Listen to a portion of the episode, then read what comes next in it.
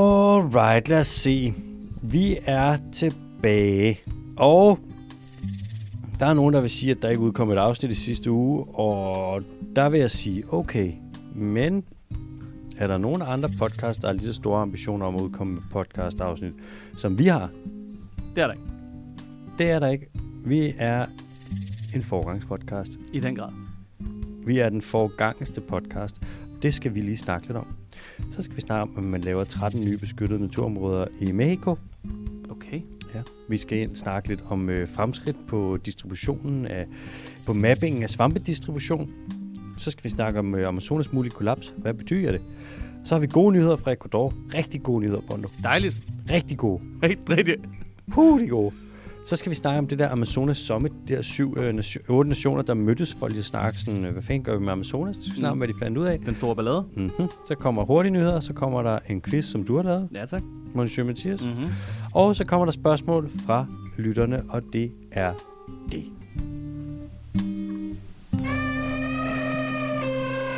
Mathias Bondo Kim, øh, velkommen i front. tak. Velkommen op på forsædet. Ja. vi, vi kommer med en lille, en, øh, hvad kalder man, en lille undskyldning fra, fra i sidste uge jo. Fy, det er ikke ja. Ja. en undskyldning. Det er ikke en undskyldning. Nej. Nej, hvad er det så? Jamen, det er et statement. Vi gjorde det for jeres skyld. For at involvere jer. Vi gjorde det for at vise alle andre, hvordan man gør. Præcis. Alle de andre store podcasts vil gerne være ligesom os. Ja, men så, øh, altså, så må de jo få nogle ambitioner. Nogle større ambitioner. Og øh, hold kæft, mand. Det var kæmpe panik. Det var det ikke, Bondo. Nej, men øh, lad os sige det på den måde. Det var jo, øh, det var jo øh, det var en, øh, en magtdemonstration i krisehåndtering. Fordi er du sindssyg, vi fik vendt det til noget godt. Vi, prøv at høre, du, man, man, man kan ikke, du, noget godt er godt. Ja. Ikke? Jo, jo, det er rigtigt. Noget mere godt. Det godteste. Det, gør, det her, det var en demonstration af ambition. Ja. Vi har, og hvis du ikke sidder ned allerede, så sæt dig ned, kære lytter. Vi Så- har, Sidder du ned, Alex? ja, men det er lige før jeg rejser mig op, fordi det her, det kan jeg mærke. Huh, baby. Mm. Hvor nu vi er så fucking ambitiøse. Ja. Kan du, nu spørger jeg dig om noget. Mm. Det afsnit, vi sidder og indtaler nu, Ja. er det blevet udgivet, når lytteren hører det her? Det vil jeg mene. Ved du, hvordan det er blevet udgivet? Nej. Det er blevet udgivet, fordi det har fucking vinger, og de vinger, det er ambitioner, og det er vores ambitioner. Fucking vinger. Og ved du hvad? Alle afsnit, der kommer fremover, de bliver udgivet, og det er på grund af de ambitioner, vi har. Kæmpe ambitioner. Vi har lagt en plan. Vi, altså, vi har en plan. Kæmpe plan. Og ved du hvad? Den her plan, den er født ud af ambitioner. Ud af ambitioner. Ja, ja. ved du hvad vi har? Og håb. Ja, Det er i hvert fald min version. ja, så er det også min. Har du også en version? Ja, jeg har den samme version som dig. Ambi- Den ambitiøse håbversion. Hun er så fed. Men jeg har en anden version. Der er nogen, der vil sige, at der manglede et podcast-afsnit i mandags. Ja. Og vi vil gerne sige, ja, men der, hvor det podcast ikke var, et podcast-afsnit ikke var, der er der i stedet for et lille mirakel. Et lille bitte mirakel. Et lille mirakel. Mm. Ikke alene har vi så ambitioner om at udgive som ingen andre, og gå mm. forrest og være dem, der er mest, mest ambitiøse omkring udgivelsen. Mm. De andre udgiver bare. Jeg synes, vi nåede i mål med vores øh, altså, ambitiøshed. Ja, vores ambitiøsitet. Ambitiøsitet. Bono, alle de andre podcasts, ikke at vi skal sammenligne os med dem, Nej. Nej. men de udgiver bare. Ja, ja. De udgiver. Ja. Men har de ambitioner? De holder slet ikke igen. Nej. Øh, og jeg, altså, jeg kan ikke, altså... Med hvilket formål jo? Altså, Det er bare, det er det bare, er bare i et væk. det er bare handling. altså handling uden ambitioner. What? Ja, og ambitioner uden handling. Ha. Og jeg kunne blive ved. Ja. Det er fordi, at du, du kom jo til at skrive, hvad der måske var øh, årets post, hvad det hedder, 2023. Kære alle, oven på den seneste post, hvor vi melder ud, at vi grundet tekniske problemer ikke kommer til at udgive et afsnit i morgen, vi vil gerne lige sige én ting. Vi er en foregangspodcast. Hmm. Er der nogen, der har større ambitioner om at udgive et afsnit på et tidspunkt end os? Det tror jeg ikke. Hm. Så er vi nået i mål? Det tror jeg nok, vi er. Kritikken, der tilfalder os på baggrund, på, på baggrund af det faktum, at vi ikke udgiver det ugenlige afsnit i morgen, er den berettiget? På ingen måde. I forbindelse med udgivelseskrisen har vi planlagt at lave en plan om at nedsætte en kommission, der kan lave en rapport, som vi kan bruge til at lave et udvalg, der kan rådgive os i, hvordan man udarbejder frivillige aftaler uden bindende mål, fyldt med delmål, som vi heller ikke lever op til. Vi havde også en ekspertgruppe, men dem lytter vi ikke til længere, fordi det tog ikke højde for lobbyorganisationer, øh, jeg mener sammenhængskraften i samfundet. Mm. Mm. Nogen vil sige, hvorfor handler I ikke bare nu og får udgivet et afsnit? Og dertil svarer vi, fordi alle skal være med. Og fordi vi allerede har fuld gang i omstillingen og udgivelsen generelt. Med mindre 99,99 procent af alle er enige i den tekniske omstilling, vi vil lave, er det ligegyldigt. Vi havde også en uafhængig tredjepart, der kunne vurdere vores indsats, men der opstod faglige uenigheder med dem og os. Så nu har vi rykket opgaven tættere på os selv, og efter det ser vores resultater brandgode ud. Hm, Det er smukt. Det er skide godt. Ja. Ja. Stiller i øvrigt gerne op til interview som det her, og kommer til at snakke udenom samtlige spørgsmål. For vi er så ambitiøse, at ambitionerne overhaler udfordringen. Og kommer, ikke til at svare på, ab- eller kommer til at svare på absolut ingen af spørgsmålene eller henvendelserne i kommentarsporet, for om end det ligner, at vi har lavet en fejl, så er det i virkeligheden et lille mirakel. Vi går forrest. Vi går forrest. Og dertil, fordi folk er fucking geniale, så var der jo en million kommentarer, som var fucking fede. Har du lavet en best of? Jeg har lavet, jamen, jeg har, jeg har blevet nødt til at tage mange med jo. Annette Legaard skriver, jeg kan mærke ind i hjertet af podcasten, den nok skal nå i mål alligevel. og det gjorde den. Det var skide godt. Øhm, øh, Taslam17 skriver, det kan også gå for hurtigt med at få udgivet den slags. Den slags får jo store konsekvenser. Vi må stole på, at forskerne kan løse den slags problemer i fremtiden. det er jo også genialt. øhm, Anders Kules. Kules. Anders Kules. Så I har altså lavet en aftale, hvor I skal aflevere lidt mindre podcast, end I gjorde før. Det er det, I har valgt. Og det fører selvfølgelig til øh, dem, der optager mere og afleverer meget podcast, og nu afleverer lidt mindre podcast. Ja, de afleverer jo så mere og mindre, end dem, der optager lidt mindre og afleverer mindre indhold, men altså afleverer mindre og mindre. Lavede han lige en LL? Ja, ja. Genialt. Han lavede den genial. Genialt. Excuse me for making this banging noise. Han laver en lige så god LL som dig, næsten. Øh, fem flade klimafrikadeller skriver, øh, som den forgangspodcast, I er, har I jo bare ramt podcast overshoot day i god tid inden nytår. Klassisk forgangspodcast. Fucking psykopater. Vi er en forgangspodcast. Ja. Malte E. skriver, øh, husk at kontakte en podcast med overproduktion, så I kan købe nogle teknikkreditter og være fejlneutrale. Fucking genialt. Fejlneutral. Fejlneutrale. Øh, Luna Ørum skriver, ægte grøn forgangspodcast. Hjerte. Smukt. Smukt. Opsummeret. Øh, Martin Vinding skriver, I laver vel en hockeystaven. Lige om lidt vælter det ud med podcast i, til højre og venstre. I lover måske endnu en helt ny type formidlingsform, som I ikke kender til endnu. Det bliver helt vildt. Det bliver sindssygt. bliver Bare skide hold godt. fast. Altså, det bliver, lige om lidt bliver det godt. øh, Wolfrider øh, underscore DK skriver på Instagram, øh, det lyder da til, at I skal i regering med Socialdemokratiet. Det, der vil jeg godt have lov til at sige. Det kan du godt trække i dig igen, det der. Ja. Sådan en lille sviner her på bagkanten, det Jamen. synes jeg overhovedet ikke. Vi går altså forrest. Vi går forrest. Og der er mange endnu. Hvad med en frivillig aftale om, hvor, hvorvidt I udgiver flere afsnit? Frivillige aftaler spiller altid max, skriver Wandering Woman. Med nogle ord og et-taller. Den vil jeg faktisk gerne sige, øh, den kunne jeg godt være lidt varm på, den der bonde. En frivillig aftale. Ja, Skal vi lige indgå en frivillig aftale lige her? sådan der. Cool. Hvad sker der, hvis det er, vi ikke indtræffer målet? Puha. Jeg tænker, at øh, hvad det hedder, vi eventuelt... Der, der, der, det kan blive noget med en bøde, som vi måske får indfriet. Hvad På med, en eller anden måde. hvad med en alvorlig snak? En alvorlig snak kunne være godt. Tager vi med en store alvorlig ord. snak? Med store ord. Puha. Magnus Ibsen skriver, de danske podcaster er helte. Genialt. Okay. Øh, bup, bup, bup, bup, bup, bup.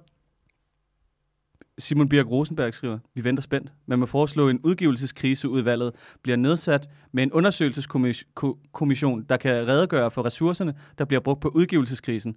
Så kan I måske lave en udgivelses 2075-plan i samme ombæring. 2075, den lyder, den lyder god. Vi har jo allerede en 2050-plan. Den kommer her. Ja. Det er Anders Kuls Nielsen, der skriver, teknologien går simpelthen så stærkt, at I med fordel kan kigge mod PCS, Podcast Capture and Storage, i jeres 2050-plan.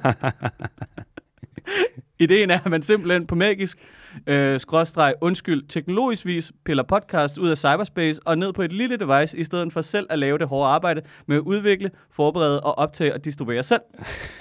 Hvis I har ambitioner om at inkludere PCS i jeres 2050-plan, vil I være så langt Det har foran, vi. Det skal vi. vil I være så langt foran sammenlignelige podcast, at I nærmest ikke behøver at udgive noget de næste par år. Og det vil jeg jo gerne have lov til at sige. Det synes jeg lyder som en kæmpe plan. Det synes jeg, vi skal skri- få skrevet ind med det samme. Hvordan Vi skriver det ind. Skriv det ind. Vi, be- vi, og ved du, hvor mange bindende mål vi har? Nej. Nul. Nul. Fordi hvad skal vi bruge dem til, når vi har Ikke en- ambitioner? Ikke en skid. Jeg er så ambitiøs, at jeg næsten ikke engang... Altså, jeg har det som om, jeg har haft ambition i... Fucking, jeg har fået ambition til morgenmad. Okay, Jeg føler du er mig- helt midt på ambition. Jeg føler mig, nej, det kan man ikke blive. Nej, det jeg kan føler man mig bare prop fyldt, Fyldt fyldt med af ambitioner. Det er så dumt. Jeg er så pisse ambitiøs. Det er du også. Ja, ja, er du sindssygt. Du er den ambitiøseste, jeg kender. Ambitiøse det. Ja. Det, vi er ikke engang halvvejs. Hvis I ikke lader være med at udgive podcast, så gør de det jo bare i Polen i stedet for. Der er podcastlækage. Det er Jakob Flyvenring Nielsen, der skriver ind. Så gør de bare i Polen i stedet. det er jo rigtigt. Det er så dumt. Det er så dumt. Øhm, Ole Sandberg skriver, jeg kan mærke i min mave, at I nok skal komme i mål med at få udgivet den podcast. Og det vil jeg gerne have lov til at sige, Ole Sandberg. Det synes jeg også. Altså, det kan jeg også mærke. Jeg synes det er samme som både dig og Ole. Ind i min mave kan jeg mærke det. Morten Rosenvold, den, den kære dykkerskør. Tak for jeres ambitioner og visionære delmål. Visionær delmål. Ja, Bum. Det der kan jeg godt lide. den var skidegod. Ja. Oliver Kålund skriver, der er heller ikke nogen grund til at skynde sig med at få et afsnit ud. Afsnittet må jo tage den tid, det skal tage. Det vil jeg gerne have lov til at Det er sige, ja. også ret i, ja. Hvis bare der kun var en udgivelseskrise, skriver, det, skriver Martin og Sofie. Den synes jeg er lige blik nok, Martin og Sofie. Helt ærligt. I må lave en bog om ledelse. Det her det er jo et rent paradigmeskift inden for kriseledelse, skriver Tina G. Nielsen. Jamen, vi har, ja. Vi starter bare fra toppen og ned. Fem flade klimafrikadeller skriver også, at du skal naturligvis ikke stille op til interview, så længe folk ikke forstår og vedgår, at podcasten Lynetteholm og den tekniske fejl hviler økonomisk i sig selv. Jamen, det hele er så. Det er nærmest et sendforetagende. Vi har den aller, aller sidste. Kom. Vi venter spændt. Man må foreslå at udgivelseskrisen udvalget nedsætter en undersøgelseskommunikation, der kan redegøre for ressourcerne, der bliver brugt på udgivelseskrisen, så I måske kan lave en udgivelses 2075-plan i samme ombæring. Og der er så en kommentar til det her. Ja. Så Simon Birk Rosenberg skriver det første, så kommer Patrick Kofod øh, Mogensen ind og skriver, det er en super fed podcast. Men der, hvor kæden den hoppede af for mig, var også det totale fravær af en kommunis- kommission. Du kan ikke engang bare komme og overveje og planlægge og lave et udvalg, hvis du ikke engang har overvejet om udvalget Ja. skal have myndighed til at nedsætte en kommission. Mm-hmm. Her vil jeg gerne, der vil jeg gerne knytte to kommentarer til det der. For det første vil jeg sige, at kritik det praller af på os, øh, fordi... Hvad- Fakt, faktaresistent og kritik. Hvad kalder man det? Afvisende. Vi er, øh, hvordan, nu skal jeg sige det på en pæn måde. Det eneste kritikken ville kunne gøre for os, Bondo, Ja. det var at gøre os mere ambitiøse. Mm. Men vi piker i ambition. Ja. Så den her kritik, altså helt ærligt, det er ligesom at servere mad for nogen, der er mætte, ikke også? Jo. For det andet vil jeg sige, at den her kritik, den, øh, er, den er ikke berettiget, fordi det er kritik, men hvis vi ser det som en kommentar, der ikke er kritisk, Mm. så det, der bliver snakket om med at nedsætte en kommission, det er jeg rimelig vild med. Ja, det synes jeg også. Og øhm, den her kommission kan jo eventuelt øh, udarbejde en rapport. Altid en rapport. Og den her rapport kan vi så øh, læse, og så måske ud fra den udarbejde en øh, plan, Bondo. Og den her plan kan vi bruge til, og nu bliver det så ambitiøst der, det er igen godt, du sidder ned. Vi laver sgu et udvalg. God gamle. det her udvalg kan give os nogle råd, nogle vejledninger i, hvordan at vi skruer en fri, nogle frivillige aftaler sammen. Mm. Og øh, jeg vil sige, at vi er så ambitiøse, at vi tager vores delmål og laver del-delmål. Okay. Del-delmål. Ja, ja, fordi hvordan, er det, hvordan spiser man en flyvemaskine eller en elefant? Du starter En- med en del, En bid ad gangen. en del af gangen. Ja. En del af gangen. Vi laver del-delmål. Og fordi vi er så ambitiøse, at tilliden til os, den er total. Mm. Ved du, hvor mange af dem, der er bindende? Jeg, vil- jeg synes, det skal være nul. Jeg synes det samme som dig. Der er godt, vi er enige. Vi er så Men jeg enige. synes jo også, der er lagt i støbeskeen til, når man er så ambitiøse. Ja. Ja. Altså den næste plan, der kan man næsten være mere ambitiøs. Jamen, det er vi. Vi topper den. Altså, Vi to- jeg topper den hver hvis, det, dag. hvis det er muligt. Vi at blive topper den mere hver dag. ambitiøs. Jamen, for- I Vi topper den hver dag. vores 2075-plan. Jeg har været, altså, jeg har lige købt nyt ur. Ja. Eller jeg købte et ur. ja, det er det første ur. Det kan alle mulige ting. Jeg har været inde og slet alle apps, Ja. og så har jeg bare været inde i øhm, den her store, hvor man ligesom kan widgets og sådan noget til det her ur. Og så er jeg bare kun, jeg har en app, jeg har downloadet nu, mm. og den hedder Ambition. Ambition gauge. Ambition.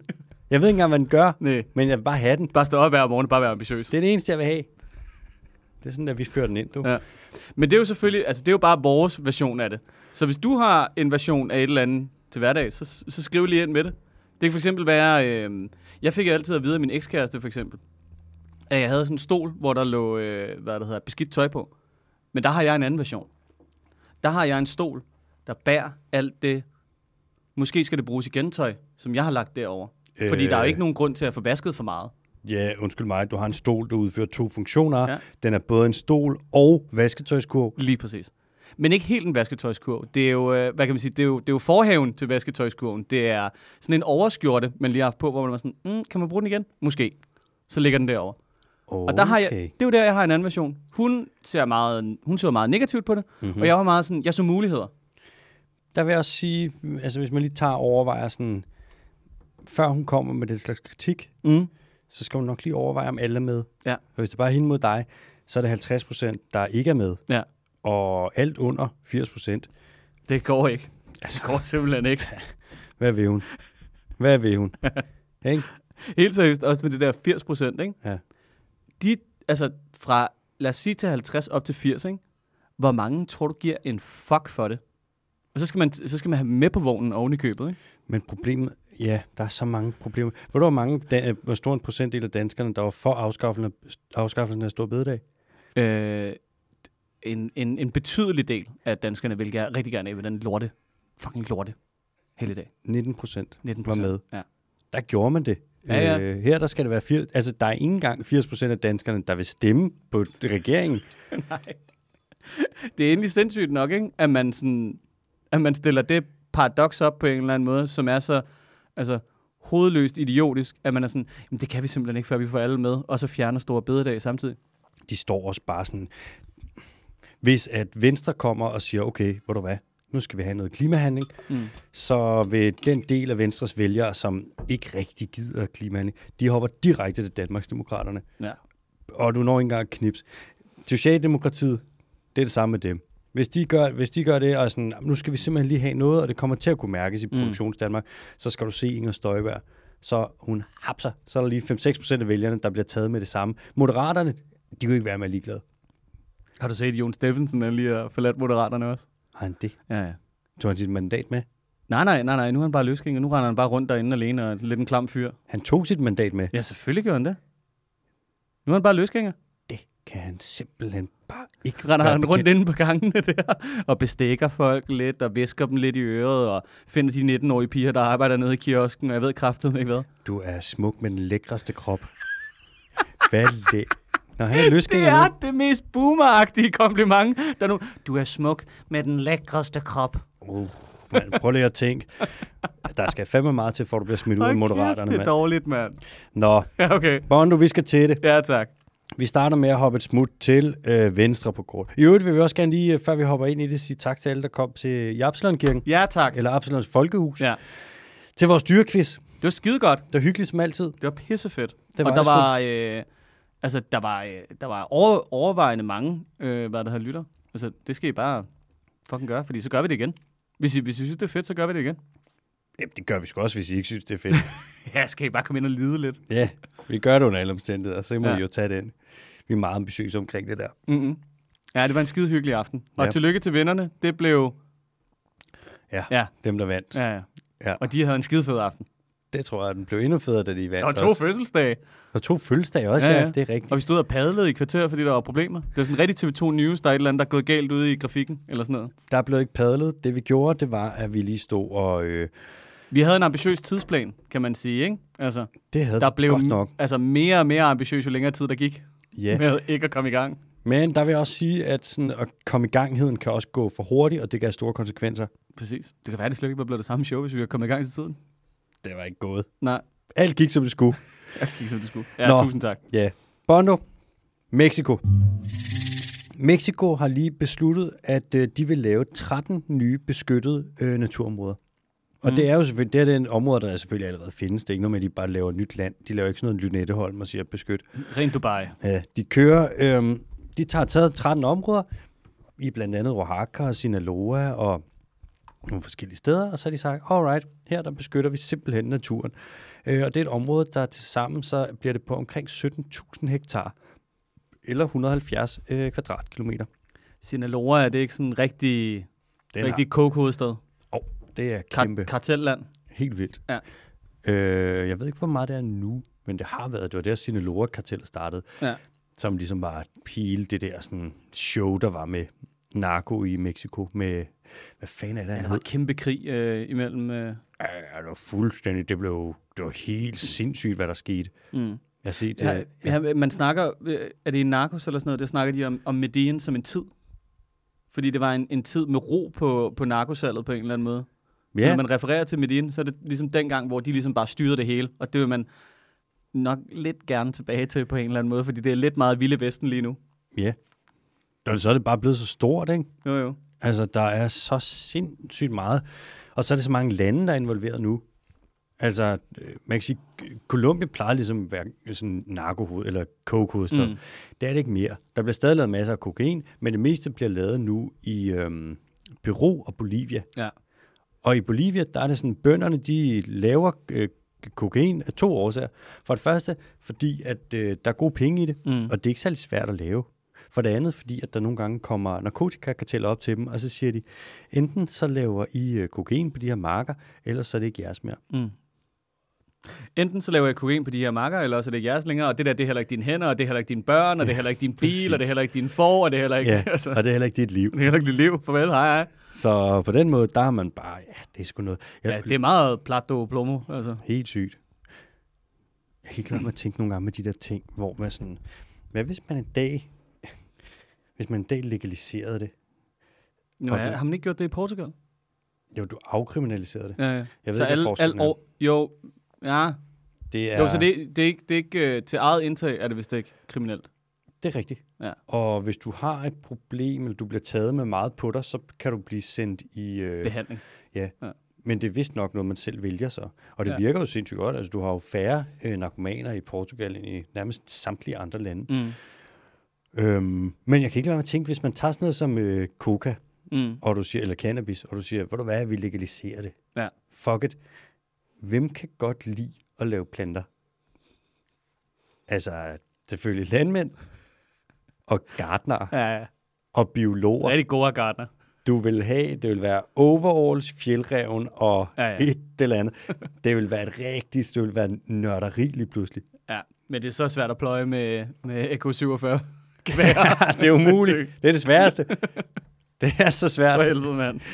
Nå, men det er rigtig godt, at Mexico gør det her, og de gør det lidt, fordi de har fået en øh, præsident, som har været der siden, øh, hvis nok 2018, og han har sagt, at han vil være den præsident, der øh, freder mest natur overhovedet i Mexico. Det er bare et mål, den vil han bare have på CV'et. Det er Andres Manuel López Obrador. Ja, yeah. smukt. Godt rullet. Der er en anden præsident, som har fredet mere natur end ham, men lige nu der ligger ham og præsidenten på andenpladsen. Og man kan sige, at det er en ret fed leg. Ej, det er super fed pikmåling. Altså, mm. kør på, drengen. Og jeg er sådan, jeg vil bare, det vil han bare have på sig. Det er bare mig. Og det er sgu ret nice, fordi at øh, Mexico er et, øh, det, man kalder et super diverst land. Der er ekstremt høj biodiversitet. Mm. Øh, og det er lidt det der med, at det forbinder jo øh, Sydamerika og Nordamerika via Mellemamerika selvfølgelig. Og så er der rigtig mange forskellige habitattyper. Det der med oppe i nord, deroppe i, tæt ved Ari- Arizona, hvor mm. du har været. Ja. Tørt af helvedes til, ikke? Ja. Ja, ja, super tør. Rigtig ørkenland, Men får sådan nogle flash floods en gang imellem. øh, hvor helt lort bare praller af, ikke? Jo, jo. Og så hvis du kører ned, så kommer du ned igennem. Der er lidt bjerge. Du har alt sådan, du har Stillehavskyst, du har Karibisk kyst, og du har ligesom øh, regnskov i bunden. Og det er forbundet til Petén-regnskoven. Mm. Største regnskov i Mellemamerika, nede i, øh, i Guatemala. Så det er super godt, de gør det her. Det er en underlig leg, de har, men det er fedt. Fedt, han er ambitiøs på det punkt. Det er Mere ambitiøs end alle de andre. Ja. Men det er jo også nok i sig selv. Det, du behøver ikke mere. Kom, du behøver sgu ikke mere. Det er så grineren jo, altså fordi... Altså, at man ikke kan se... Nej, vi, vi har været inde på det. Vi hopper videre til næste nyhed. tak. Øh, den næste, den er en lille bitte smule øh, nørdet, men også ret vigtig. Den handler Nej, nu stopper du der. Hvornår er vores nyheder ikke nørdet? Øh, ja, det er faktisk også et god pointe. Den her er en lille smule nørdet. når der er noget med dolphins.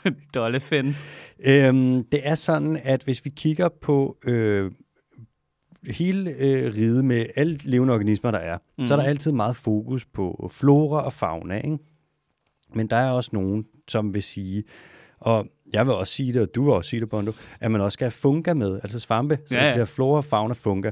Mm. For svampe er ekstremt vigtige. 3F. Yeah. Fjern øh, svampene fra verdens økosystemer og se planeten kollapse på nærmest ingen tid. Med undtagelse langt hen ad vejen med, at mange af de rine, marine med økosystemer, ikke, de er godt mm. klart. Men svampe er bare super vigtige, og det er svært det der med at finde ud af præcis, hvor de er udbredt henne, fordi at medmindre at der er de her frugtlemer oppe, som ligesom er den del af svampen, vi ser. Hvis du tager for eksempel en champignon, det der, der er sådan, den lille hvide sag, der ligger nede i supermarkedet, det er bare frugtlemmet. Det svarer lidt til æblet på et æbletræ. Og så hele svampen, det er sådan et mycelium, sådan et netværk af sådan noget, der hedder hyfer, som ligger nede i, forestiller sådan nogle rødder, under jorden eller i et eller andet medie. Og så en gang imellem, når de ligesom er klar, så skyder de et frugtleme op, og så er man sådan, se der, der er Helt- Karl Johan. Helt, ja. la- helt last of us -agtig. Ja, Ja. bare markant mindre creepy, Mindre zombie. mindre zombie, på favor. Uh. Og øhm, det gør så, at det kan være lidt svært det her med at mappe, hvor er svampe øh, findes. Også fordi sådan, det er ikke fugle, vel? De siger ikke noget, Ingenting. og mange af dem er sådan små, uanselige og faglige. Altså kig på mange af de danske vokshatte, for eksempel. Ja. Bitte, bitte- Vokshatte. Ja, sådan en Er det det, man kalder, øh, hvad der hedder, teenager med rigtig meget dags i håret? Så bare ud og køre noget scooter. Krater hjemme, mand. Har du, købt, har du husket at købe Faxe Grandi? Ned bag halen og stå og ryge smøger. Ah, det var kæft, det var tider, mand. Men øhm, Vokshatte. Ja, det er sådan en gruppe af svampe. Jeg Ja. ja. tror, det er en familie, som vi har med i Danmark. De er meget flotte, og de er meget små, og de er meget, mange af dem er meget farverige. Der er blandt andet en, der hedder papegøjevokshat. Prøv at søge på den. Så skal du se en svamp. Det ligner, den er photoshoppet. Papagøje i vokset. Øh, d- hvis den er et sted, Ja, hold da kæft. det er ikke sikkert, at man ser den altså. Så det, man gør nu, for så at finde ud af, hvor er svampene ligesom findes henne, det er, at man går ud et sted, og så tager du en jordprøve. Og det gør du ved at tage et rør, hvor der er hul i begge ender, og så, s- der vil der jo altid være et rør for helvede, Alexander Holm. Og så tager du ligesom røret ned, så ligesom når du skal Er bruge... det cylinderformet? Ja, det vil det typisk Nå, være. okay, ja, Ellers ja. er det nemlig en square. Nå, sindssygt. Og så vil man gøre, ligesom når du skal bruge en iskern, hvor du ligesom tager, presser røret ned, og så hiver du ligesom en jordprøve op. Mm. Og så det der er inde i, det blinder du. Og så laver du noget, typisk vil man lave noget metabarcoding, eller noget, der hedder shotgun sequencing. Og så kan du finde ud af, hvad for noget DNA, der er i det her jord. Og hvis der så er svampe-DNA, fordi at der er mycelium, det der, som ikke er frugtlæmerne, så kan du se, okay, i den her jordprøve fra det her sted, mm. der findes de her svampe. Og så kan man ligesom tage alt det data, feed det ind i nogle algoritmer, sammenholde det. Typisk vil man også lægge det op mod noget andet data, noget med klimadata og data for udbredelse af dyr og planter. Og så kan man ligesom med det datasæt, man laver, så kan man ekstrapolere det, splatte det ud over hele planeten. og så- Ekstraporterer det. Ja, og så kan du sige, øhm, nu har vi faktisk lidt en idé om, hvor at svampe er udbredt, og hvor mm. at der er for eksempel hotspots, ekstrem høj koncentration af svampe. Mange svampearter inden for et, et lille givet område. Og det er der, vi er nu. Men det er også altså, øh, altså folk, der også har forstand på svamping og lidt kan finde dem, de holder det kraftede med også bare for sig selv. Det kan jeg love dig for, de gør. Og de tager altså camouflage på, og så render de bare rundt ude i, hvad der er, gribskov, i sådan helt, Ja. helt ned tæt til jorden og klatrer. Og hvis de er et godt spot, så, så snart du spotter dem, så kigger de op og lader, som om de står og kigger på himlen. Ja. Uh, ej, det var sgu en fugl, det der, var. Uh. Men du kan gå ind på Svampeatlas. Så kan du se, hvor der er fundet de forskellige svampe øh, rundt omkring i Danmark. Svampe Atlas. Ja, så kan du se, hvem der har fundet s- hvilke svampe hvor. Databasen.org. Ja. Ja. Velkommen til svampedatabasen.org. Det er... Øh, 1.126.635 svampefund, 9.155 arter af svampe, 762.441 svampebilleder. er der 9.000 arter Øh, 9.165 arter af svampe. i Danmark. Det er der fundet. What? Man, Det står der til synligheden. det er kraftet med mange. Prøv at tænke, hvad findes der? Der findes 400 arter af fugle i Danmark. Ja. Øh, ja, lige, altså sådan, det, det er sådan, jeg husker det i hvert fald. Ja. Og hvad findes der? af Padder findes der sådan noget? Ja, Det kan jeg ikke huske. Krybdyr, der findes 600 eller sådan noget, ikke? under 10 arter, tror jeg. Guldnende bæresvamp. Det er helt skørt. Guldnende bæresvamp. Det Hvad er lyder- det for nogle navne? Jamen, der er, hvis du skal navngive 9.000 arter, bliver du nødt til at være kreativ. Champignon-agtige slørhat. Uha, den skal du ikke spise. Hvorfor ikke det? Sikkert giftig, ikke? Stor parrykhat. Gran koralsvamp. Blegrød champignon. Blikrød. Rondo, nu er du, over, du er vist overtræt nu. Eller er det en blegrød? Ej, mand. Det er status for svampe. det går skide godt på svampene. Og vi hopper videre til den næste. Ja, tak. Jeg bliver nødt til at dræbe det der grin med noget dystert. Hold nu op. Kan du huske det, vi har snakket om nogle gange med det der med Amazonas ved at kollapse? Mm. Øh, det der med Amazonas svinder ind, og det er lidt efter, hvornår begynder en regnskov at blive så øh, lille, at den ikke længere genererer den fugt, der skal til, for at den kan opretholde sin egen renhed.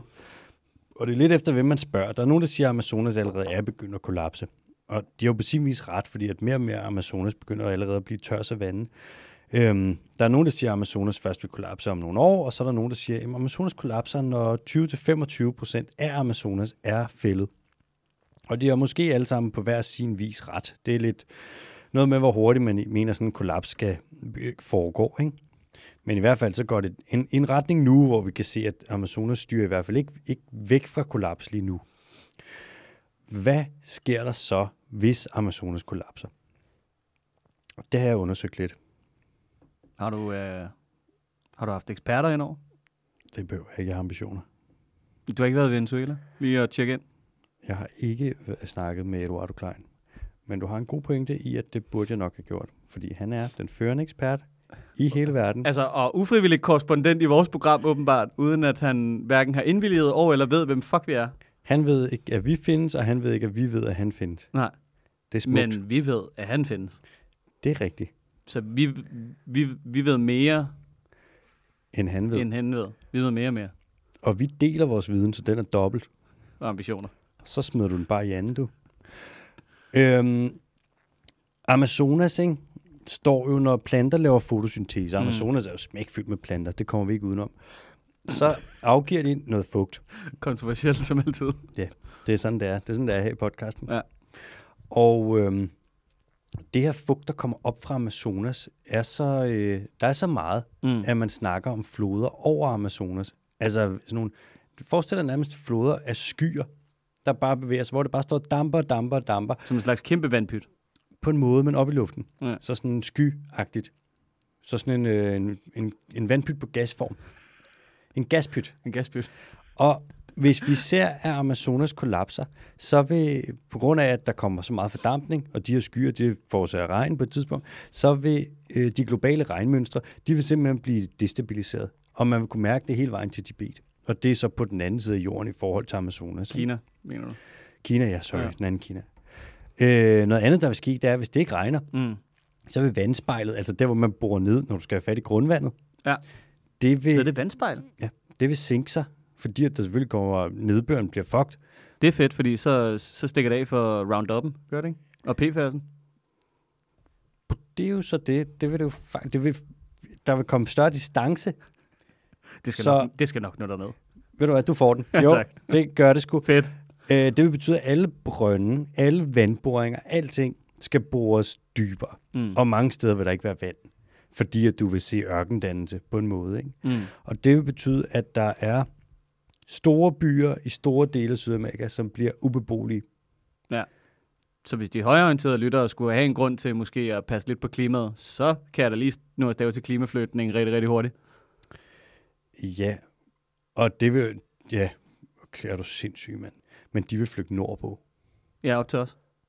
Ja, hvis det så var Sydamerika, så ser du, om- så vil det Ja, ja, men de USA. skal sgu nok finde båd fra Kanada til, til Danmark med alt det, det velfærd, vi har herover. Ja, hvad det hedder, øh, det bliver noget rod under alle omstændigheder, det kan du være helt sikker på, mand. Så vil der være det med, at der er de der, man kalder, noget man kalder brødkurv. Har du hørt det før, når der er et område, du beskriver som en brødkurv? Det er steder, hvor du laver meget øh, korn, Ja. og det laver du brød af, og så kalder man det en bread basket, ikke? Der er mange af dem, som vil falde fra hinanden, hvor du simpelthen ikke kan dyrke korn, fordi der kommer ikke noget nedbyr. Og det vil både være i Sydamerika og i Nordamerika. Bread basket. Ja, det er noget lort. Det øh, påvirker jo selvfølgelig fødevaresikkerheden enormt meget, fordi mm. sådan, Og så bliver det geopolitisk. ja, og så ser vi lige, Det vil ikke være godt. Så vil man selvfølgelig også se det, at hvis regnskoven kollapser, det Ja. er det sted i verden med allerhøjst biodiversitet overhovedet, det er Amazonas. Hvis Amazonas så bliver til noget andet end regnskov, så kan mm. de organismer, der er der, de kan jo ikke leve der. Nogle af dem vil godt kunne stadig, mm. men langt de fleste vil ikke kunne. Og så uddør de. Hvis de kun lever der, selvfølgelig. Ikke? Så vi vil se tusindvis, hvis ikke millioner af arter, der uddør. Nogle gange så er det også som om, at man snakker om... Altså, der bliver snakket om biodiversitet, som om, at man skal beskytte det for biodiversitetens skyld, fordi man sådan er sådan, "Jamen, det er fedt at have mange Pokémoner, eller et eller andet. Mm. Men jeg er da ret sikker på, at du har været inde på alle mulige forskellige ting. Hvad er det, penicillin og sådan noget, ikke? Som jo basically, det har man udvundet fra naturen. Ja, penicillin, det kommer fra en svamp, ikke? Jo, Der er faktisk en, der hedder Alexander. Alexander Fleming, der fandt den. okay, ja. Og der er sindssygt mange forskellige slags øh, medicin, som kommer fra Amazonas. Ja. Og der er mange af dem, som vi ikke engang har fundet nu, men som ligger derinde og gemmer sig. Mm. Vi har alt muligt medicin, vi kan udvinde, som kan gøre alt muligt godt for os. Og så i stedet for at undersøge det og finde det, så smadrer vi bare der, hvor det er, og smadrer Men jeg muligheden. tror måske, at nogle gange, det er sådan en pointe, der lidt forsvinder i al den her snak om biodiversitet. Fordi det lyder lidt nogle gange som om, tror jeg, Mm. mm. på dem, der debatterer fra den anden fløj, at Ja. ja. det er sådan, nå okay, jamen altså, det gør ikke nogen forskel, om der er en elefant, og så er man sådan, teknisk set, nej, gør det vel ikke nogen kæmpe store forskel. Nej, Altså, det er rigtigt. men generelt set, hvis man snakker over en bred kamp omkring mm. biodiversitet, så er det jo netop sådan nogle ting, der forsvinder. Ja, præcis. Og man kan også sige sådan, den gode pointe. Også, det med- og der er jo også nogen, der kommer og siger det faktisk i Danmark, med sådan, og selv fra den anden fløj, som mm. Mm. siger sådan, biodiversitet, det er kun for naturens skyld, det skal vi ikke bruge. Nej, nej. Det passer ikke. Måske det passer til del til Danmark, fordi at vi har fucket det så meget op, Mm. og hele vores landbrug er skruet sammen om planter, der ikke behøver bestøvning osv. osv. Men du kan godt se, hvis vi smadrer øh, en regnskov, og vi ligesom ødelægger øh, regnforholdene i halvdelen af verden, mm. Mm. det er et ret stort problem. Naturen renser også vand. Ja. Det er vildt smart, fordi mm. det er Mm. fedt at have rent vand. Ikke? Vi kommer ikke til at mangle øh, oxygen. Eller det er meget usandsynligt, men alligevel, sådan, der kommer bare luft fra, det er ikke for sjovt, man kalder Amazonas for verdens lunger. Mm. Der er så mange ting, naturen gør. Der er bare så mange uforudsete konsekvenser. Ikke? Det er sådan, ålen har jo heller ikke rigtig nogen levesteder, fordi man har taget alle vandløb, og så bare gjort dem helt lige. Ja, Yeah. Og fisket dem med helvedes til, og... ja, du har spist helt lortet, ikke? Ja, Man har virkelig straffet dem, og så forurening selvfølgelig. ja. Altså, ålen kan godt leve nogle steder, der er lidt klamt, så den spiser ådsler, og sådan, det, er, ret- det er faktisk en, Mm. lidt, sådan, det er en ret klam fisk. Mm. Mm. Men, altså, ikke, det er ikke klart, det vi har gjort. Nej, nej. Du har ret, det er, vi skyder os selv i foden. Ja. En anden ting, der sker, det er jo, at øh, når man kommer ind i en regnskov, og når der ligesom er organismer, der trækker ud af regnskoven, så vil du se, at øh, der er en masse af de sygdomme, zoonoser, der er derinde, altså sygdomme, der kan blive overført fra dyr til mennesker, dem vil vi ikke komme i nærkontakt med, og det plejer ikke at gå særlig godt. Det er ikke en pandemi til, vel? Du sidder og snakker om. Hvis Amazonas tør ud, så er det sgu ikke én pandemi, så er det bare, altså, Så kan vi få, måske få op imod fire. det er jo, du sætter bare nogle nuller på. Øhm, Det gjorde Carsten Rabeck os jo øh, klogere på her forleden. og det er hans egen forskning, der viser det. Ja. Og der kan man sige, lad være med at ødelægge Amazonas mere, fordi at vi har ikke lyst til pandemier. Det er Nej. ikke godt for noget. det kunne vi se. Det var ikke fedt. Der vil komme kæmpe, kæmpe, kæmpe CO2-udledning. Omkring 90 gigaton CO2, der vil blive udledt, hvis vi fælder Amaz- eller hvis Amazonas begynder at tørre ind. Det er rigtig meget, det er ikke godt. Og så kan vi se, at 70 procent af Sydamerikas GDP, eller det er så BNP på dansk, ikke? det kommer fra steder, fordi de eksporterer jo sindssygt mange produkter, som de dyrker. Mm. Det kommer fra steder, der er afhængige af regn fra Amazonas. Så vi kan se, at det vil være omkring 70 procent af alt, hvad Sydamerika ligesom tjener på at eksportere ting. Øh, det vil være lidt i risiko for, at, hvad siger man, de penge vil de miste, hvis Amazonas kollapser. Det er kraftet med mange penge. Så ser du, hvad du altså se, ekstremt meget fattigdom. Og i Sydamerika, hvad er der der? En milliard mennesker? Ja, hvis det kan gøre det. Jeg tror, tror du, de er super, super seje på nem i dag, og lige har indregistreret alle, der er blevet født og til og fra? Nej. Jeg tror, det er sådan noget... Jeg tror, der er et mørketal af proportioner, der ikke er til at drømme om i, i forhold til dansk kontekst. Ja, det tror jeg også. Det tror jeg også. Men ja, jeg ved sgu ikke, hvor mange der bor i Sydamerika. Jeg vil gætte på omkring en milliard. Ja, I, I will find out. så kan man se, at hvis vi tager ligesom ser på konsekvenserne, også om i Nordamerika, 50 procent af regnen, nedbøren i øh, Kalifornien, øh, vil højst sandsynligt forsvinde. Kalifornien er allerede ret tørt. Der er allerede rigtig mange skovbrænde. Hvis 50 procent af regnen forsvinder der, så bliver Kalifornien til en ørken. Det vil ikke være godt. Det er den mest befolkede stat i hele USA. Ikke? Det er rigtig, rigtig mange mennesker, der ligesom kunne ja, blive fucked der. Og Jeg, jeg er ked af at sige det. der anslås til at være lige omkring 434 millioner i Sydamerika. Kun 434 millioner. Ja. Og der tør jeg da godt nok lige fejl. Ja, men, du- men du er ambitiøs på Sydamerikas vegne. Jeg kom næsten til at... Jeg kom bare, det var fordi, vi snakker om at gange med to før, Det er rigtigt. og så kommer vi lige til at gange det med to. Ja. Det sker. Ja, ja. Det er fint. Det er fint nok. Jeg har jo en anden version. Jamen, jeg har, ja. Det er jer, der tager fejl. Og så er der den sidste ting, altså det der med, når der kommer så meget vanddamp op fra Amazonas, så kommer der jo en masse hvide ting, og alle ved, at hvide ting, de øh, reflekterer sollys, hvor sorte ting ligesom absorberer sollys, ikke? Når, det hvide, når noget hvidt reflekterer sollys tilbage, det kalder man albedoeffekt, og det vil vi gerne have, fordi at så øh, optager vi ikke for meget energi fra solen, og så bliver jorden ikke så pissevarm, at vi ikke kan bo på den. Bedste varm. Pissevarm. Bedste varm. Så lige for at opsummere og afrunde den her, så er det faktisk øh, noget af det vigtigste, man kan investere i, det er beskyttelse af Amazonas. Mm. Mm. For vi har simpelthen ikke råd til at miste Amazonas. Nej. Og man kan sige, at hvis du gerne vil omvendt investere i Amazonas, så gå ud og køb dig en masse danske fabrikskoteletter, der er stopfodret med brasiliansk eller ar- argentinsk soja, som man har fældet regnskoven for at dyrke. Så støtter du dårlig dyrevelfærd, du støtter fældning af Amazonas, du støtter gyldeudledning til vores indre farvand, og alt, der er dårligt i hele verden. Værsgo, mand. Koteletter. Koteletter. Koteletter, det er altså et sjovt ord. Nej, Det er en stor, fed kotelet. Det skal Ja, ja. være koteletter. jeg er ikke enig. Det er ikke et godt ord. Det er, ikke, nej, det er et sjovt ord. Det er ikke et godt ord. Koteletter. Nej, jeg er ikke til det. Koteletter. Tarteletter. Koteletter er bedre, det kan jeg bedre lide. Nå, Bono, vi skal til en god nyhed. Mm. Øh, kan du huske det, vi snakkede om i Ecuador, at der var, øh, de skulle stemme om, hvorvidt at de skulle fortsætte med at lave olieboringer? Ja. De har stemt, Mm. og ved du, hvad de er kommet frem til? Den tager vi på et andet tidspunkt. De er stoppet. Er de stoppet? Ja.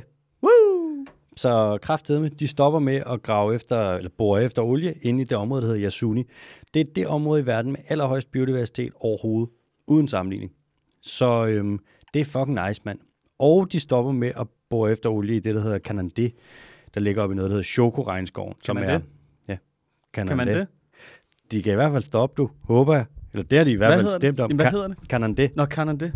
Og det, øh, det er fucking nice, fordi at Kanandé og Chokoregnskoven, det er noget af det mest truede regnskov i hele verden. Og ja, nu tager de simpelthen besluttet at lade være med det her. Det er kraftedet med fedt. Og det er på trods af, at det faktisk er 10% af deres BNP i Ecuador, som ligesom i- kommer fra at bore det her olie op fra regnskoven, og så sælge det primært til USA. Så det er virkelig, virkelig nice. Er en god nyhed. det, er, det, er det helt og fast, eller er der noget, er der, noget der kan snige sig ind? Ej, den her, den er rimelig, øh, den er rimelig lagt på plads. En lille kompensation, eller Nej, der er nogen, der lige havde lagt en plan allerede, så derfor må de godt lige. nej. Nej. Der vil helt sikkert være en udfasningsperiode. Ja. Men de laver ikke nye olieboringer. Det er virkelig godt, Bondo. Det er næst efter det med, at afskovningsraten i Brasilien er faldet så meget, så vil jeg sige, at det her det er den næstbedste klima- og biodiversitetsnyhed øh, i 2023. Det er fucking godt. Yeah. Det er virkelig, virkelig godt. Ja.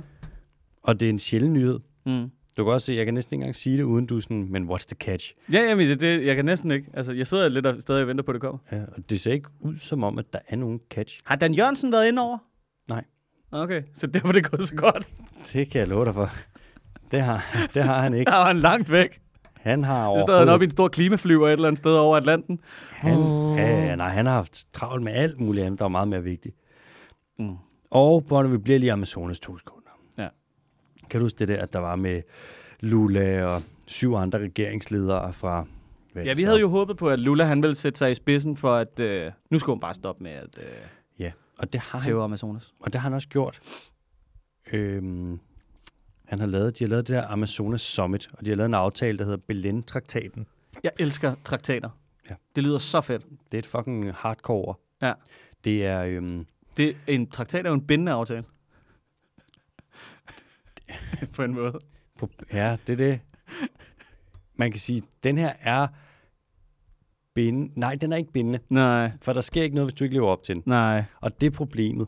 Øh, man er blevet enige om nogle intentioner, Ja, ambitioner, ambitioner. og man har 112 punkter, Ja. hvor man siger sådan, alright, vi skal indtræffe på det her. Ambitiøst. Ja, det er Brasilien, Colombia, Venezuela, Surinam, Guyana Mm. og Peru, Bolivia. Altså, notorisk rige lande.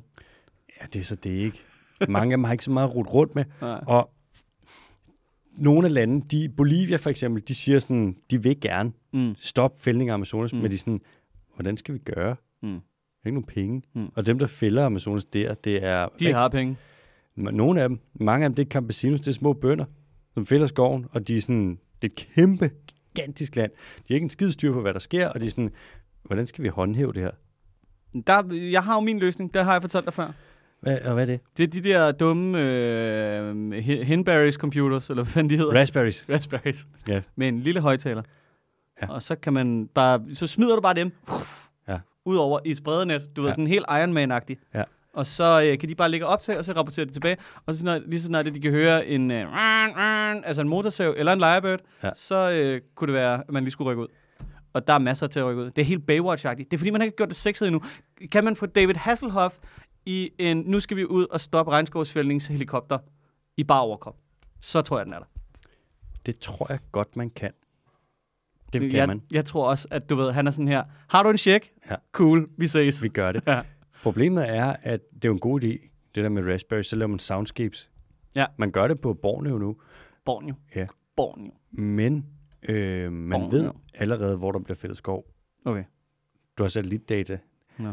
Det er ikke Edward outline, for Nej. det er ikke Venezuela, så, det, vi ved ikke, altså, så er det ikke særlig godt. Nej, nej. Men Det er meget glo- upræcist. ja, hvis du går ind på Global Forest Watch, og så går ind på Bolivia, så kan du se præcis, hvor der bliver fældet skov, hvornår og hvor meget. Øhm, men du har også ret i, sådan, hvis ikke David, Hassel- David Hasselhoff gør det, hvem fanden skal så rykke ud? Ja, ja. Hvem, altså, hvem skal rykke ud? Det er et kæmpe område.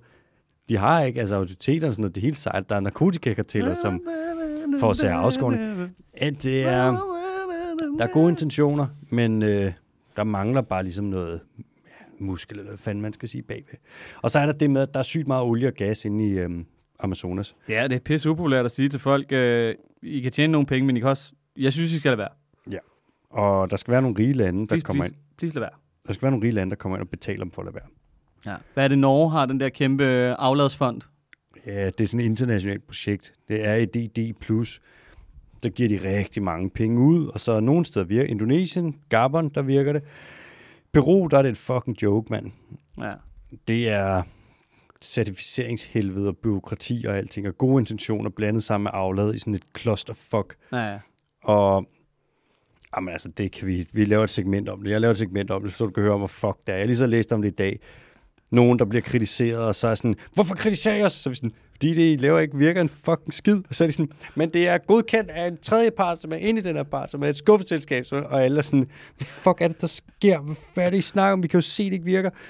Alt ved det er, det kan blive rigtig rodet. Det er sådan rigtig forhold til Towers. Det er rigtig fald på hælen humor. Altså. Det er lige før, Ja. det kan godt fungere, det gør det ikke lige Ja, nu. nej. Ja. Ja, øv. Ja. Bondo, hurtige nyheder. Kan du Ja, ja, huske, tak. vi, vi snakker om det med verdens største næsehornsfarm, som er nede i Sydafrika? Mm. Den godt, der hedder, gut, der hedder øh, han hedder John Hugh, Humes, der har den. Der er 1999 hvide næsehorn, sydlige selvfølgelig. Og han har sat den til salg. Driftsomkostningerne er på omkring 65.000 kroner om dagen. Jesus. Ja, han vil gerne avle nogle næsehorn, og så vil han gøre nogle ting med reintroduktion og det ene og det andet. Og øhm, så øh, har det ikke helt fungeret, det her projekt. Han har holdt det kørende i mange år, bla bla bla. Nu vil han gerne sælge, fordi han er blevet gammel, og der er ikke nogen, der vil købe det. Mm. Så der er en farm med 1999 næsehorn. Det er hver 8. næsehorn i verden er på den farm. Og øh, der er der ikke nogen køber. Hvordan Den- ser, hvordan ser finanserne ud på øh, den dyrske team? Kan vi, øh, kan vi lige snige os ind? Bare lige måske bare have et enkelt næsehorn. Jamen, jeg har givet et bud. Har, har du lagt et bud ind? Ja. Hvornår vender det tilbage? Det er, når de har fundet ud af, hvordan de veksler ambitioner til penge. Du har vel ikke lagt et bud her, ambition, din store idiot. Jo, jo, jeg, They only understand money. jeg har lagt et bud, jeg har tilbudt, at vi kan smide 10.000 ambitioner. Nå, det synes jeg ellers er meget fint. Så kunne, vi måske, øh, kunne man så importere det? Smid det ind hos Brian. Øh, ja, det gør vi bare. Du ringer lige. Hey, bare skriv til ham. Hej bossen. Skriv til ham. Kunne du tænke dig en ny legekammerat? Skriv, vi skal lige have et hurtigt møde. Ja, tak. Øh, så rider vi derhen på næsehånden. Helt. Gør det. Hvad er den hedder? Wakanda Forever. Ja. Du har den ene. Wakanda bab. Kommer man bare lige. Ja, ja. Skriv, skriv, skriv, skriv. Den fikser vi.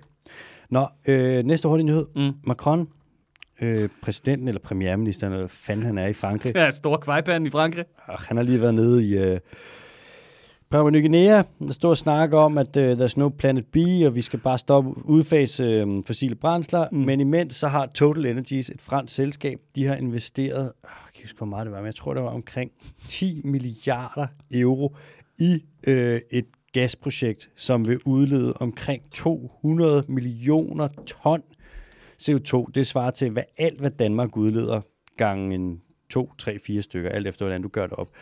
Så på den måde kan man sige, at han lidt øh, snakker om, at man skal udfase noget, mens at det land, han ligesom står i spidsen for, de fortsætter med at udbygge det. Ja. Ja. Ved du, hvem der gør præcis det samme?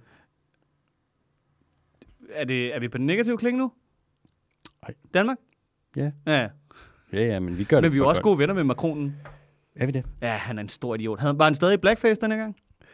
Der, der, du forveksler ham med um, Trudeau. Nå, Trudeau. Ja. Nå ja, for helvede, der har han der var i Men blackface. det er fordi, de begge to, de er så franske, så franske. Ja. ja, Altså. prøv, at- de ligner fandme også hinanden. Det er to stykker i dalen. Samme frisyr.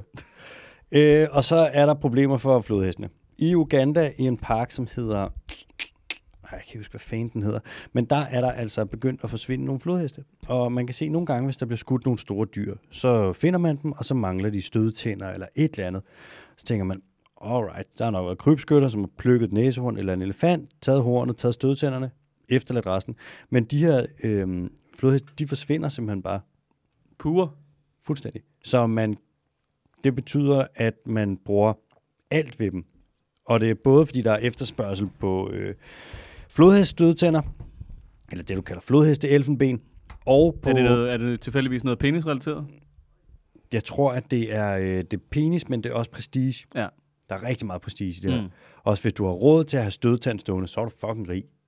Og hvis du har råd til at have en figur lavet af en, af en næsehornshorn, Mm. wow, så har du boksen. Det er mere værd end guld. Det virker så primitivt for mig, altså på en eller anden måde. Ja, yeah. det er et symbol på, at prestige, og så skader det noget andet. Det er, Kan ligesom... ligesom, de, jamen, kan de ikke bare købe en eller anden åndssvagt Jeff Koons, et eller andet fucking pis, og stille det derhjemme i stedet for? det er jo lidt ligesom at have en hommer. En hammer. Det er ekstremt dårligt for alt, mm. Mm. men det er et symbol på at det er et eller andet Mm. rigdom, og hvad ved jeg. Ja. Så på den måde kan man sige, sådan, det er bare deres ekvivalent, ikke? Jo, jo. Men det er noget gris. Men så forsvinder de her øh, flodheste, og man spiser højst sandsynligt kød, og så skindet kan du sikkert, bruger man sikkert til et eller andet. Jeg ved ikke, hvad fanden det er, men Asfalt. Måske. Man med. asfalterer bare med flodhestskin. Ja, Ja, ja. ja. Hvis det virker, så virker det. Og øh, ja, Bondo, det var altså de hurtige. Okay. Jamen, øh, hvad det hedder... Så hopper vi til en quiz. Quiz mig. Hvad det hedder... Øh, jeg vil gerne lige have lov til at komme med en undskyldning til en af vores lyttere. Undskyld. En af vores lyttere havde jo foreslået øh, sidste uges dyr, det er savnomsbundne for tabte afsnit, øh, hvor det var påfuglet koppen. Ja. ja. Så det kommer jo desværre ikke. Nej. Så øh, Rip. vi beklager. Men det var en rigtig god quiz, du kom med. Det var en skidegod quiz. Men det er quizzen, som vi aldrig kommer til at høre. Ja. Øh, nu skal jeg lige se her. Det er virkelig, virkelig underligt. For jeg havde nemlig jeg havde gjort noget, ja, jeg havde gjort noget klar her. Vi, skal, vi er tilbage på lyd. Er du klar? Er du klar? Ja. så siger du ja for helvede. Så kan du bare se her. Da, da, da, da, da. Skal du gætte, hvad den her lyd er?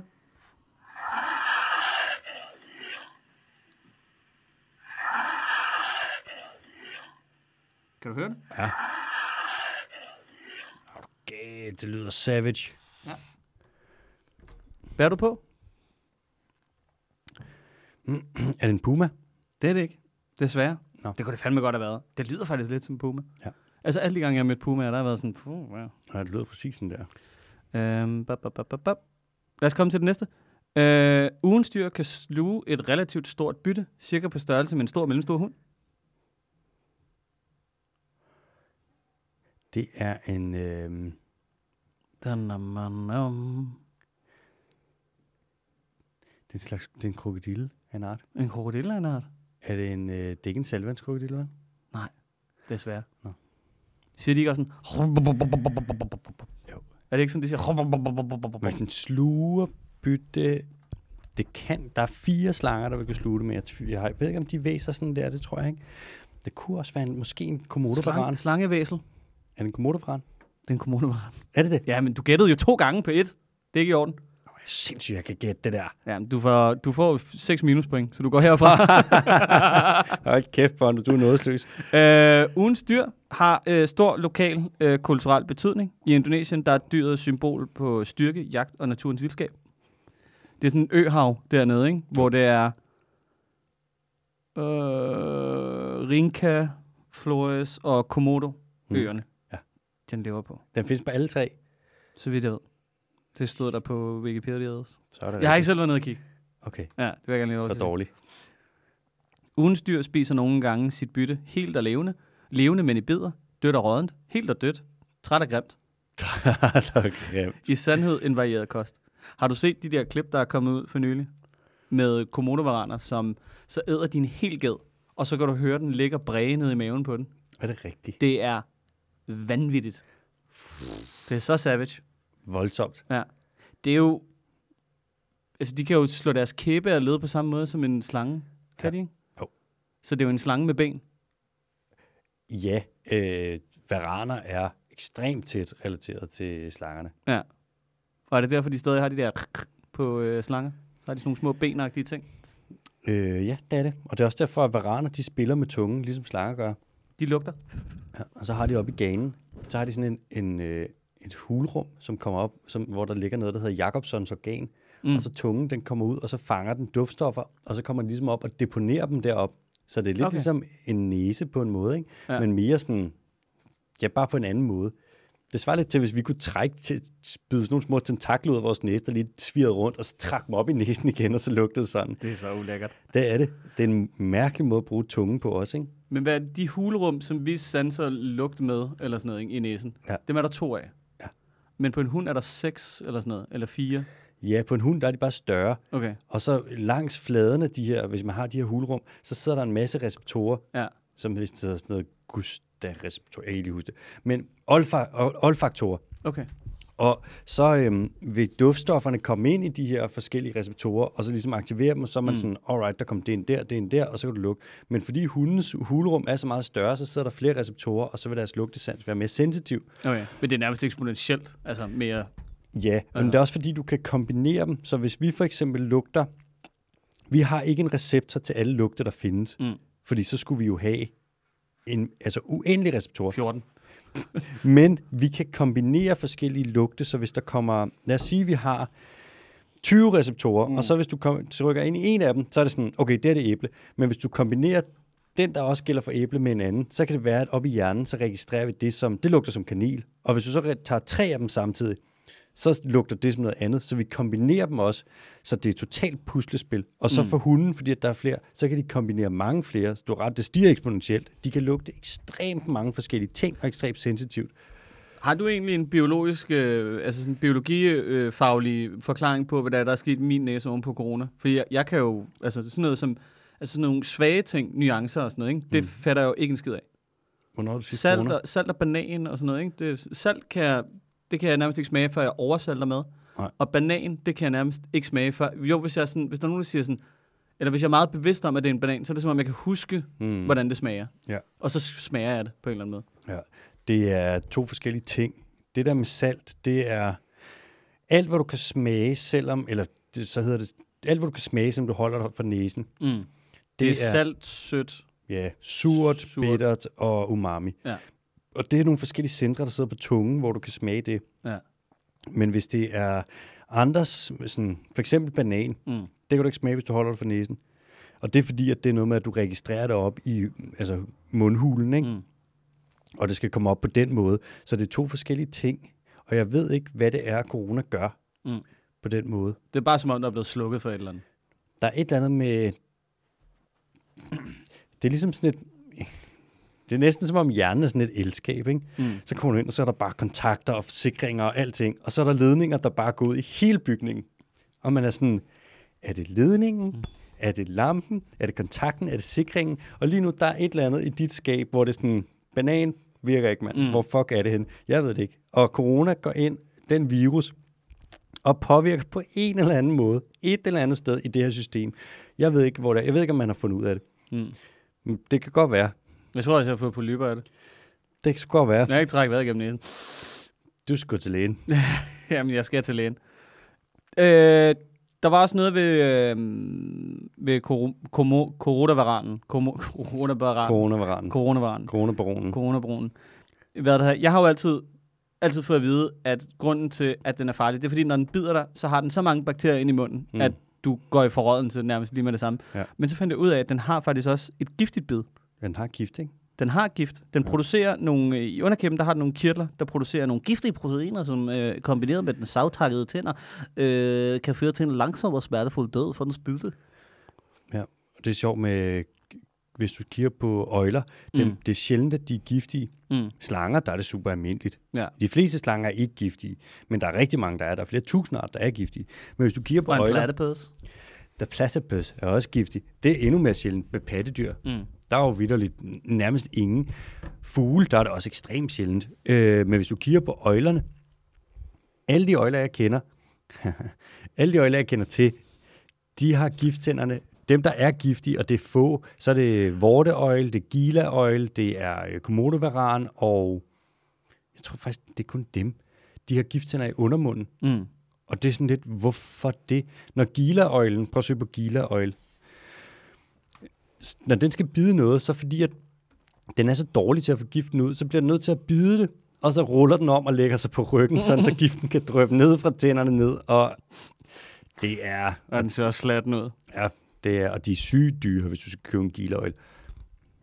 Shit. Den er over fra, øh, den findes vist i Sinaloa, og på Sonora-ørkenen også. Ja. Ja. Den findes den så langt over på. Det er i hvert fald Mexico. Sammen med vorteøjle. Ekstremt dyr. Den ser virkelig, virkelig, virkelig, virkelig spøjs ud. Jeg tror, hvis du køber en gila, det koster, hvis den er lovlig i Danmark, det tror jeg, den, er, den koster mm. Mm. vist 40-50.000.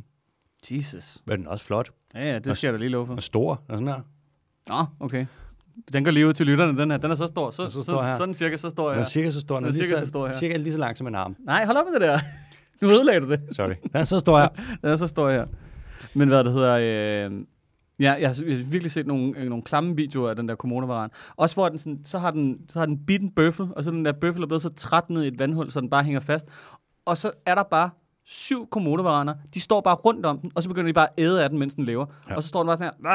"Ah, ah." Ja, så bliver den spist. Ja. Levende. Levende. De er fucking savage, mand. Og det syge er, at det er langt, langt, langt mere normalt at blive spist, mens du er levende, end at der er noget, der slår dig ihjel først. Okay. Prøv at overveje det. Det skulle du være med at sige. Det gider jeg slet ikke høre sådan noget. De eneste, Jeg vil bare gerne have, hvis det skal være noget, så skal det være sådan en rigtig jaguar. Du ved, bare lige bid mig i nakken. Død. Ja. Nej, det sker ekstremt sjældent. Nå. Det, sker, det vil ske, hvis det er noget, der- nogle der- dyr, der skal spise noget, der er større end dem selv, og hvis de skal spise det med det samme. Og hvis det kan slippe væk, sli- slippe væk ikke? Altså. Ja, yeah. så ser du sådan, så bliver de nødt til at slå det ihjel, så det ikke kæmper imod, mm. Mm. medmindre det sidder fast i mudder selvfølgelig, og er Ja. svagt, ikke? Men ellers, prøv at overveje sådan en myreslur. Ja. Ja, ja. Hvis der er en øh, kæmpe myreslur, hvad kan den spise om dagen? 100.000, 200.000, 300.000 myrer. Alle sammen ryger levende ned i maven på den. Nam, nam, nam, nam, nam. Samme hvis du har en blåval, der kommer ind og tager krill. Hvad tager den? Adskillige millioner krill. Alle sammen ryger levende ned i maven på den. Mm. Hvad med ulven? Ulven, de slår jo typisk nogle byttedyr ihjel, der er langt større end dem selv. To til tre gange større end dem selv. Der, der vil de slå Der den kan ihjel den- først. Der vil de slå den ihjel først. Ja. ja okay. Alle fuglene, der flyver rundt og spiser insekter, Mm.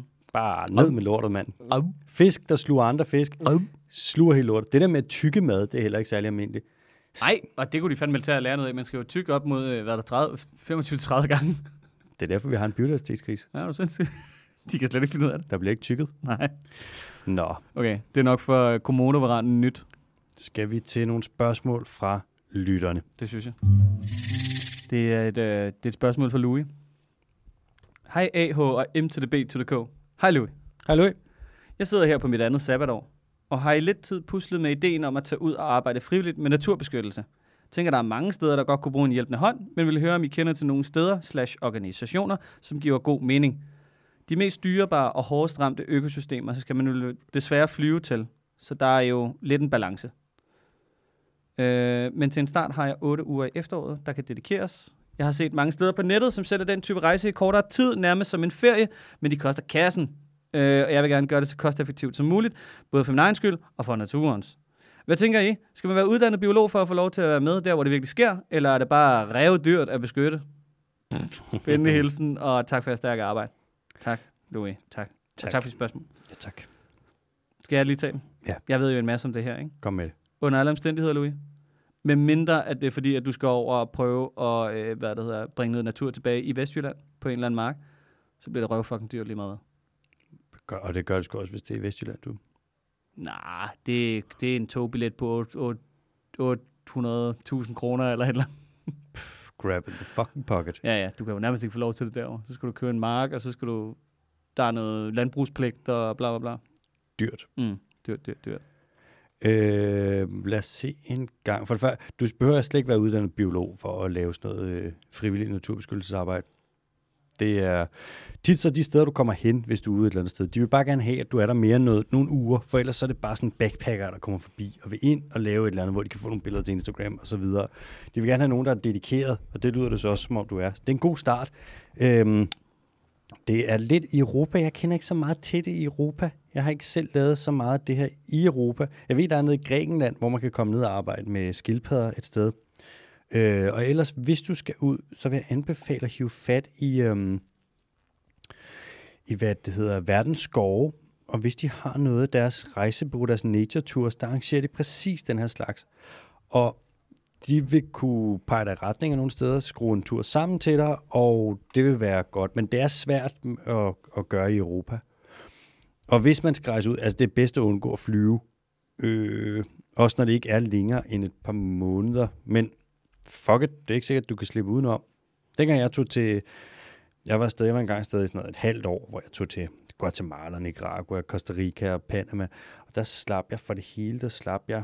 Og det var med en masse, det var kun frivilligt arbejde hele vejen igennem. Det kostede mig med fly og alting, det kostede 37.000 kroner. Men det var også i 2010-11. Det er jo, åh, selvfølgelig er man gammel, det er, lang, det er mange år siden. Ej, du var meget ung dengang jo. Det var jeg. jeg Du har var. måske været en 4-5 år gammel. Ja, ja, præcis. jeg var bare, jeg var ung og klar. Så det håber jeg er svar, øh, Louis.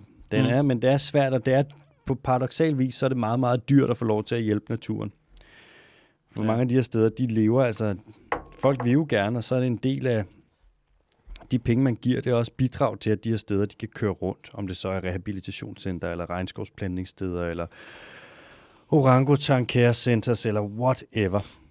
Måske tjek det der Liberia Chimpanzee Rescue. De er fucking nice. Der vil jeg også- Liberia. Ja. Øh, li- det er Liberia, ja. Det er Libyen. Nej, det er, hvordan, der er to lande med. Der er Libyen, og så er der Ja, det andet. Lib- Liberia. Ja. Ja, Liberia. Det er i Liberia. Det ligger nede ved, tæt ved, i, øh, lige nede ved armhulen der i Afrika. Mm. Ja, fordi det andet det er Libyen. Ja, og det ligger op nordpå. Ikke? Ja. Ja. Det er op tæt op ved sådan noget mellem... Øh, Ja, det er rigtig, Middelhavet. det er rigtig konfliktområde.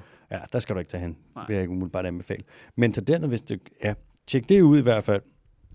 Og hvis det er helt kritisk, og hvis de ikke svarer fra øhm, verdens skov, eller de har nedlagt deres rejsebureau, Mm. mm. eller whatever, så må du lige skrive ind, så skal vi nok, så tager vi den derfra. Ja. Så kender vi sikkert nogen. Nå, Bono, jeg lys- læser lige det andet re- spørgsmål op. Ja, tak. Det er fra Robin. Hej. Hej Hej Robin. Tusind tak for jeres skønne podcast. Det var så lidt. Det er lærerigt og fedt, at I er lidt frække, som ham fiskemanden Lindeborg sagde. Nikolaj Lindeborg, fiskeeksperten for dyrens beskyttelse. Han var så hyggelig. Han er fed. Jeg vil gerne høre om, mere om Færøerne og Grønland. Hvordan har isbjørnen det? Er den OK, og hvorfor er den blevet et eksempel på klimaforandringerne? Vil, der, vil I derudover tale om skadedyrsbekæmpelse i de små hjemlige villahaver? Hvornår er det nødvendigt og måske godt i forhold til invasive arter?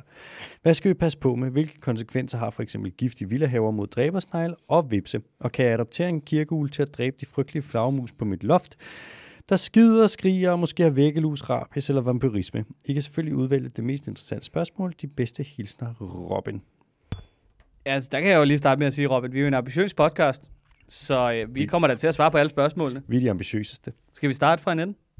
Ja. Øh, gerne høre mere om Færøerne og Grønland. Jamen, øh, hvad der er Færøerne, det er rimelig grønt. Grønland er rimelig ikke grønt. Hvordan har isbjørnen det? Er den ok? Det, jeg, øh, det, ja, det er nogle gange af dem. Medmindre de har en brækket pæk, så er det ikke så fedt. Ja. Det er super nederen. Ja.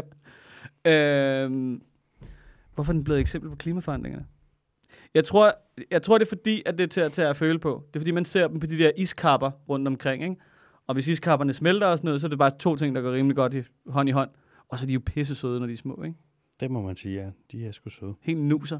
Ja. Slet ikke fyldt med blod over det hele, når de har klappet en babysæl. Nej, nej, nej, nej, nej, nej. nej. De det kan øh, er bare æderrømme søde. se fucking voldsomt ud. Ja, når de, ja, når de jager. Ja, når de virkelig har givet den gas. Ja, det er bare rent blod, du. Men er den... Øh, den har det vel okay, har den ikke? Nej, det har den ikke. De, man har godt nok set nogle af dem, hvor man tænker, det er Christian Bale, der er klar til en ny rolle der. Ja. Der er du sindssygt, han har svundet ind.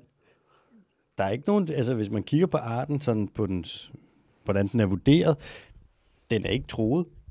IUCN, de... Nej. Nej.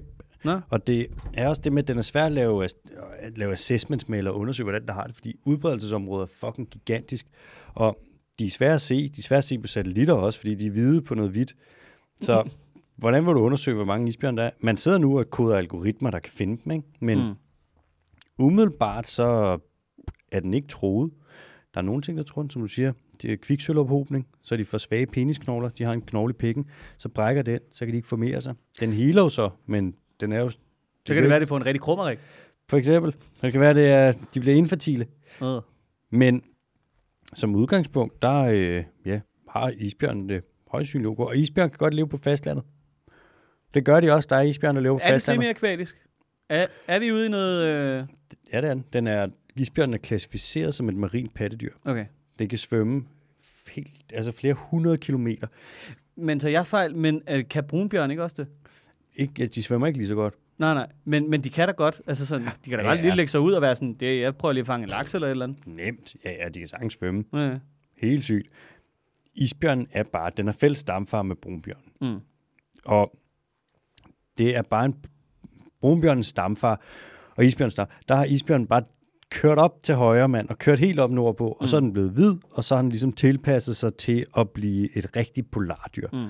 Men hvis der sker sådan en regression, så at der er for meget isen, der smelter, og den bliver nødt til at trække længere ned, så vil du højst sandsynligt bare se de isbjørn, der er mest tilpasningsdygtige til det nye miljø, de vil overleve, og så vil du se, at den vil blive mere som brunbjørn igen. Så mm. evolutionen vil ligesom bare lave en uvending. Højst sandsynligt.